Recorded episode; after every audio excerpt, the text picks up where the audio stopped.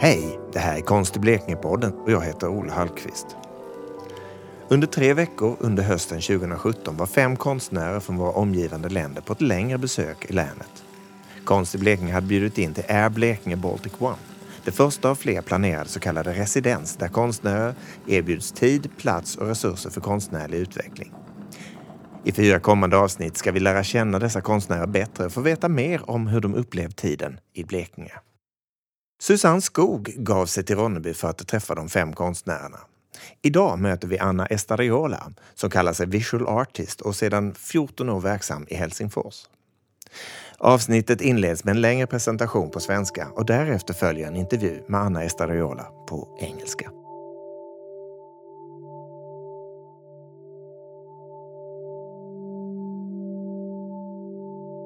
När jag träffar Anna Estariola i verkstaden i före detta emaljfabriken i Ronneby, då kommer hon dragande på ett väldigt lass med skräp lastat på en kärra. Hon håller på att städa ateljén efter dagens filminspelning och egentligen efter hela sin residensperiod eftersom hon måste ge sig av ett par dagar tidigare än de andra konstnärerna.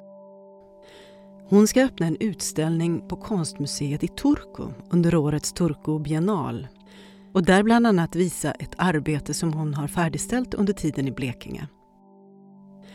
Denna förmiddag har hon spelat in sekvenser till en av sina skulpturer som är i form av en tonåring som sitter och hänger på tonåringsvis iförd kläder skapade av Victoria Rosén, kostymör och boende i Ronneby. Tonåringen har ännu inget ansikte där inne under luvan. Det är just det som har filmats denna morgon. Ansiktet gestaltas av Ronneby-skådespelaren Magnus Rosén. Han tillhör helt klart en annan generation än tonåringen. Och det är just det som är poängen. En äldre människa som är fast inuti en mycket yngre kropp. Anna Estariola är född i Katalonien men bor sedan snart 15 år i Helsingfors. Hennes verk rör sig oftast i områden mellan performance, skulptur och video. Hon har sin konstnärliga bakgrund inom performance och dans. hon säger att hennes utgångspunkt alltid är en idé, ett ämne som utvecklas i form av en berättelse. Utifrån denna utforskar hon sen ganska öppet vilken sorts gestaltning som denna behöver för att kunna förmedlas. Hennes bakgrund inom gestaltande former av scenkonst visar sig kanske särskilt när det gäller hennes val att väldigt ofta arbeta med olika former av interagerande karaktärer i sina installationer. Även verket där tonåringen ingår utgörs av tre gestalter. Skulpturer som innefattar både video och ljudinstallationer. Som så ofta i Estariolas arbete kretsar tematiken kring mänskligt beteende och vårt sätt att förhålla oss till grundläggande villkor som livet, döden. I det här fallet talar de tre karaktärerna med varandra om framtiden. Och de representerar allihop olika sorters försök att förbättra existensen på artificiell väg. Hon har arbetat fram delar av alla karaktärerna här i ateljén i Ronneby och har använt alla möjliga material som har en sak gemensamt. De är helt och hållet artificiella.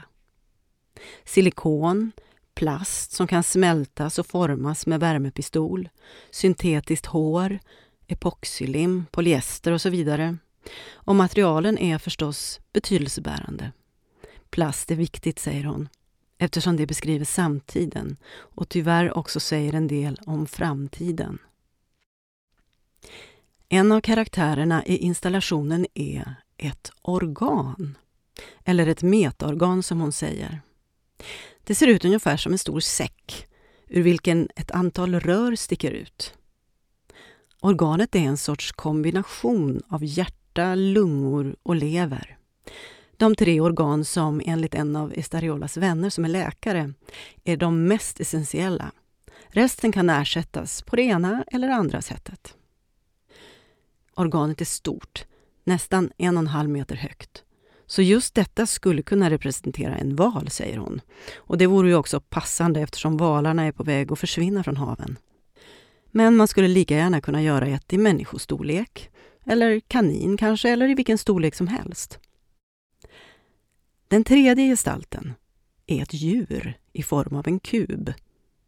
Utan huvud eller ben, eftersom de ju ändå är onödiga för framställningen av kött i industriell skala. Kubdjuret är en blandning av många olika varelser. Och när det yttrar sig är också lätet en blandning. En mix av ljud från kor, lamm, grisar och andra djur sammanställda på ett sådant sätt att de tillsammans utgör ett obestämbart men ändå klart animaliskt läte. Hon var ju på väg ut med ett jättelass med skräp när jag kom till ateljén. Men ändå återstår fem stora säckar med allsköns plastskräp. Det finns förstås något motsägelsefullt i att producera så enormt mycket skräp och miljöfarligt avfall medan man samtidigt gör konst som i sig problematiserar artificiella och exploaterande företeelser. Detta är förstås någonting som Anna Istariola är väl medveten om och som hon måste förhålla sig till för att fullt ut kunna stå för sin verksamhet. Det är framför allt under det senaste året som hon har utforskat alla dessa helt och hållet syntetiska material. Och detta utifrån en fascination av vår tids vilja och också förmåga att ibland skapa, men framför allt skapa illusionen av liv och närvaro på artificiell väg. Inte minst genom olika former av media. Det finns också en stark känslomässig aspekt av drivkrafterna bakom att vilja förlänga och skapa liv på artificiell väg. Det mest uppenbara exemplet är väl tekniken bakom provrörsbefruktning. Men även ljud och film kan skapa en illusion av närvaro. Det känns som om den gestalt som syns på skärmen, eller vars röst man hör, faktiskt finns och är här Även om det förstås är naivt och illusionen kanske upphör när man stänger av skärmen eller ljudet. Den där tröskeln intresserar Anna Estariola mycket. Den mellan vad som är artificiellt och verkligt eller naturligt. Ett annat exempel på hennes arbetssätt är installationen Staged som ingick i hennes första soloutställning tidigare i år på konstmuseet i Pori, också i Finland. Det verket utgjordes av tolv karaktärer som satt placerade ut med ett långt bord, som de tolv lärjungarna vid den sista måltiden. Men här var det fråga om en paneldiskussion. Bland de tolv gestalterna fanns människor, olika sorters djur och en del andra fenomen. Där fanns också ett 50-tal publikplatser framför podiet. Syftet med debatten var att tillsammans med besökarna svara på frågan vad ska hända härnäst? Paneldeltagarna höll varsina anföranden och där fanns också en voice-over-röst som fungerade som berättare och moderator och som uppmanade publiken att sända in sina reflektioner på telepatisk väg. Men hela systemet kraschade, så något resultat kunde aldrig levereras. Så allt fick börja om igen. Och igen. Och igen. Och så höll det på i ett halvårs tid utan att man någonsin kom fram till ett svar på vad det är det där som ska hända härnäst. Anna Estariola är helt och hållet verksam inom konstvärlden idag. Även om gestaltade berättelser eller skeenden och interagerande karaktärer fortfarande ligger till grund för hennes konstnärliga arbete så tar det sig som sagt numera mest uttryck i form av installationer och videoverk snarare än att hon själv befinner sig live inför en publik. Men, säger hon, det blir nästan alltid så att jag behandlar mina skulpturer som om de vore skådespelare i en pjäs eller en performance som de själva skapar tillsammans. Som om de vore levande och aktiva individer.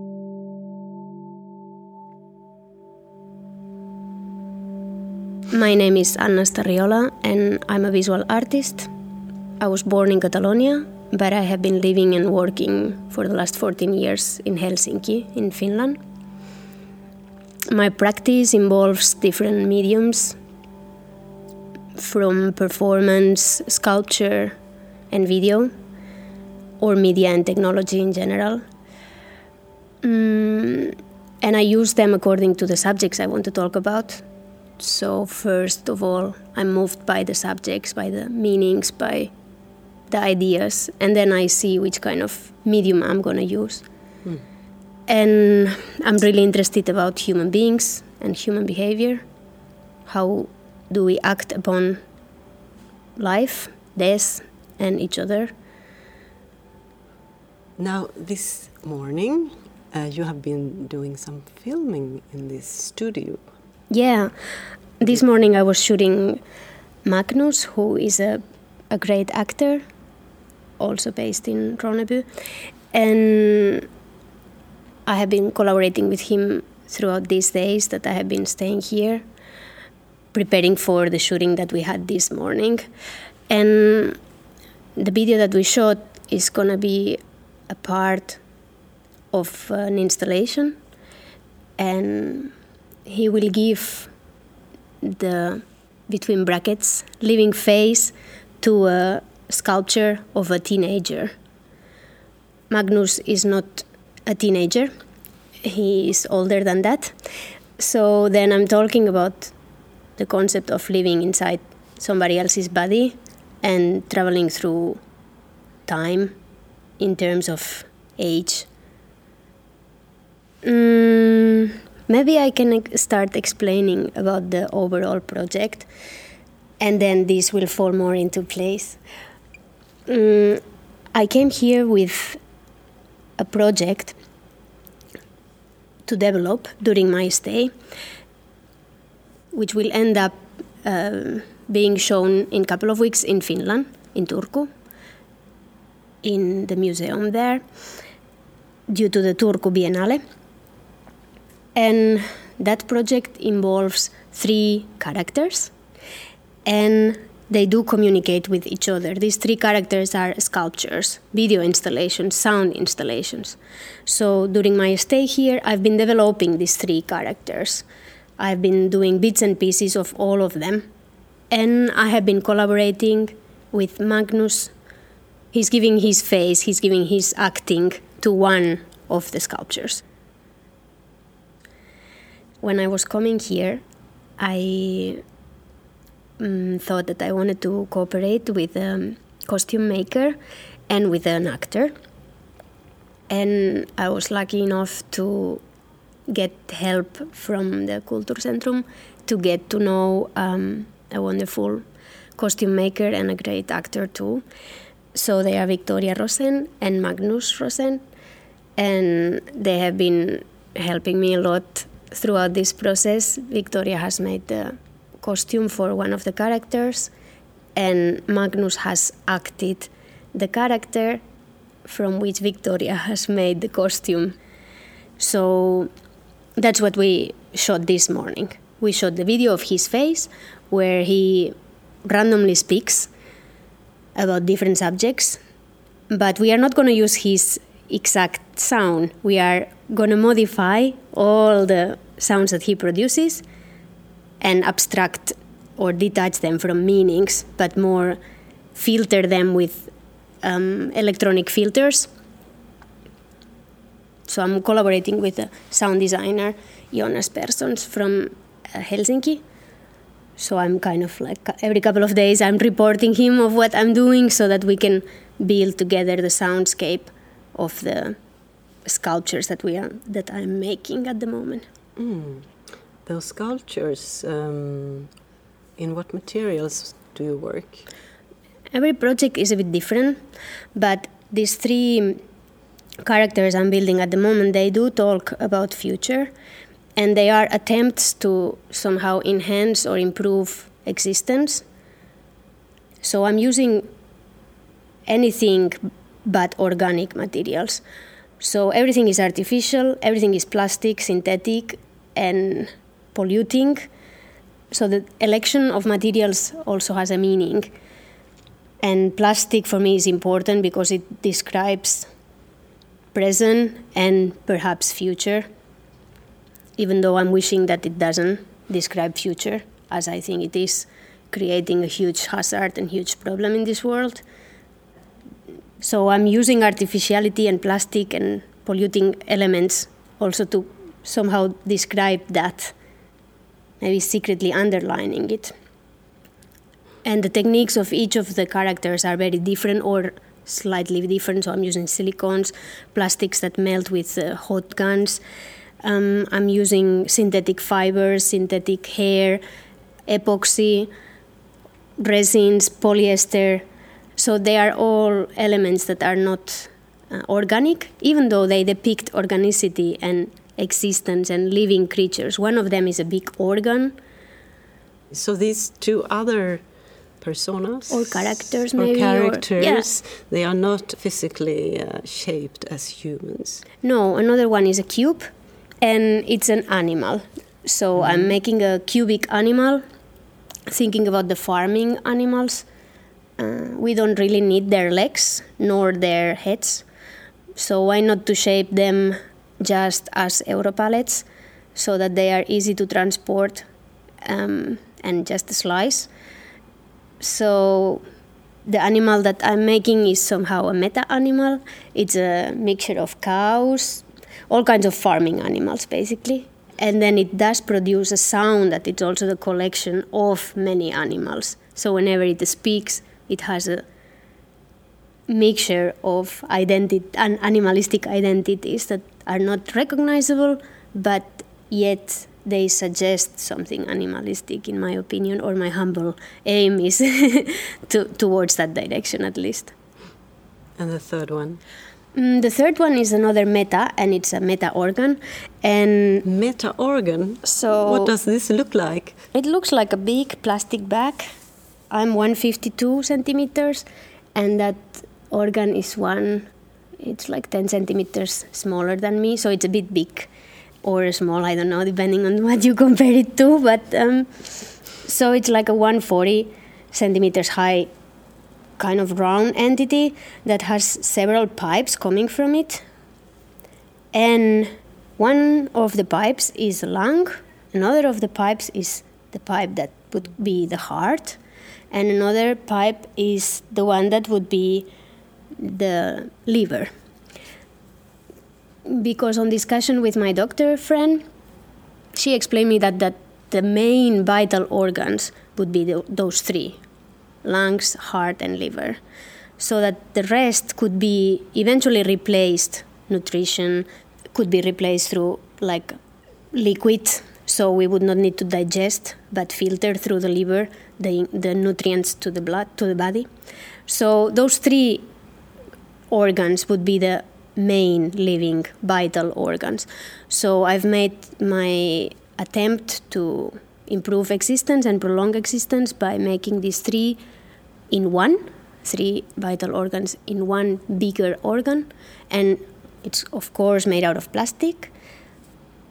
So, whenever needed, you just replace it. It's very easy. And the one that I'm showing it's a big one because it might be for a whale because they are all dying but I could resize it for your size, my size, depending on on the species. I see all these plastic. Uh, yes, yeah, it's like the most. It's the hardest part when I see the the amount of trash I'm making. it's not nice because I'm dealing with this subject of polluting at the same time that I am doing it. So there is also controversy that I have to deal with, like in a, yeah, I have to stand behind what I'm doing. So I'm also aware that I'm producing residues that. I see five big, big plastic bags full of plastic plastic of different color different kind of material yes. i must ask you where do you get all this stuff um, there's been a lot of help from my colleagues also to go to the stores all around. so Jakob Tecker, who is also my colleague in the artist residency, has been having some little trips to Biltema and with me and hey I need another dose you know so I just have to go and get more plastic spray paints and all kinds of stuff and also Turun, the organizer, has been helping me to get things. And so, yeah, just getting to know also the hardware stores around Blekinge has been wonderful. But do you use new material or do you get uh, like trash material from these stores or do you buy new? I buy new. I buy new things and then I test them. I test all kinds of things because maybe the trial and error uh, is also involved in my practice. Mm, so I unfortunately have to waste material in order to get to the point of domain or where I want to get. Is this a typical way for you to work? I don't know. I start from thoughts and then I sketch a lot. I come up with a story and then I see if I can give it a shape. Somehow, like plenty of stories are in the back of my head, and then depending on the chance of the project, I I see if I can materialize or not. And this idea has been coming with me for for some time, and slowly it's been developing. And of course the chances and the environment are helping and contributing to formulate it to form it and, and to make it happen. And it was a really good opportunity also to come here concentrate really much on making it and spending many hours in the space like being able to work has also made it possible so these two weeks have been in my opinion very helpful to the project do you often use uh, these kind of non-organic uh, materials, for example? Mm, this last year, I have been a bit, or especially fascinated by it. Somehow, this finding life in the non-living, representing existence through the inanimate, has been important for me or interesting. Artificiality also resonates in you as something that could create the illusion of presence, illusions of life through media, for example. We do. We can easily create illusions of existence through media by just shooting somebody, filming somebody, and then looking at him or her later. It feels like he or she is present, or could feel as he or she is present, and she or he is not. Even though they are very basic questions, I'm puzzled about them and I'm very interested on working with them. And I'm also interested on the emotional attachment beyond this artificiality. Nowadays, we have been able to prolong life or even to create life through technology. And there is love in, involved too. There is an attachment, even though we might have all kinds of artificiality embedded in us, or we might come from an artificial moment of taking a sperm, putting an ovule, and making it all in a lab, and then life life happens, and there is love too through all kinds of innovation and technology. So I'm also very attracted to that threshold of defining what's artificial or real. Could you tell me about one of your earlier works? Mm, this year I had an exhibition, my first solo exhibition in a museum at Pori Art Museum in Finland. And I made several new works, but then I made um, a work called The System, and in it I placed 12 characters as the 12 apostles in a long table. Mm, they were all different kinds of animals, phenomena, and humans from different ages, race, genders. There was a careful selection of who was invited in that panel discussion. And then I built stage or audience seats in front of them so that the audience could sit. There was room for about 50 people to sit in front of these 12 characters. And each of them had their turn to speak about something. And their mission was to find what's next together with the audience. There was a narrator that was the voiceover of the whole story and was giving turns to the speeches of each of the characters. And then it, the voiceover was asking to the audience to send their message telepathically but the message didn't reach the system and the system collapsed. So it was not found out what's next. So we had to go over and over again, and that was on for half a year with the aim of trying to find what's next, involving the viewer, but never really reaching what's next. It's obvious that you like to work with characters. Mm. I have a performance background or performative background, more in dance perhaps. So the concept of being on the stage and staging something or creating the identity of something is something that perhaps comes along with my practice and maybe it gets transferred to the sculptures that I'm making or to the video installations that I'm making. So I end up treating them quite much like actors or performers of a play or a performance that they do create together. So even if they are inanimate, I somehow treat them as if they would be active and alive performers.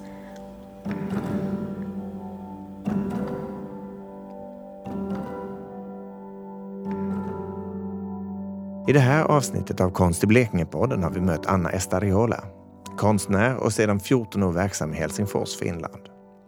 Det var vår producent Susanne Skog som hade träffat henne i samband med Air Blekinge Baltic One, ett konstnärsresidens i länet som ägde rum under hösten 2017. Susanne återkommer med fler presentationer av de medverkande konstnärerna i de kommande avsnitten av Konst i Blekinge-podden. Det var allt för idag, men du hittar mycket mer, poddavsnitt, videoreportage och ljudkonst på konstiblekinge.se. Självklart hittar du också vad som händer och är på gång via sociala medier. Sök på Konst i Blekinge. Tills vi hörs nästa gång. Hej!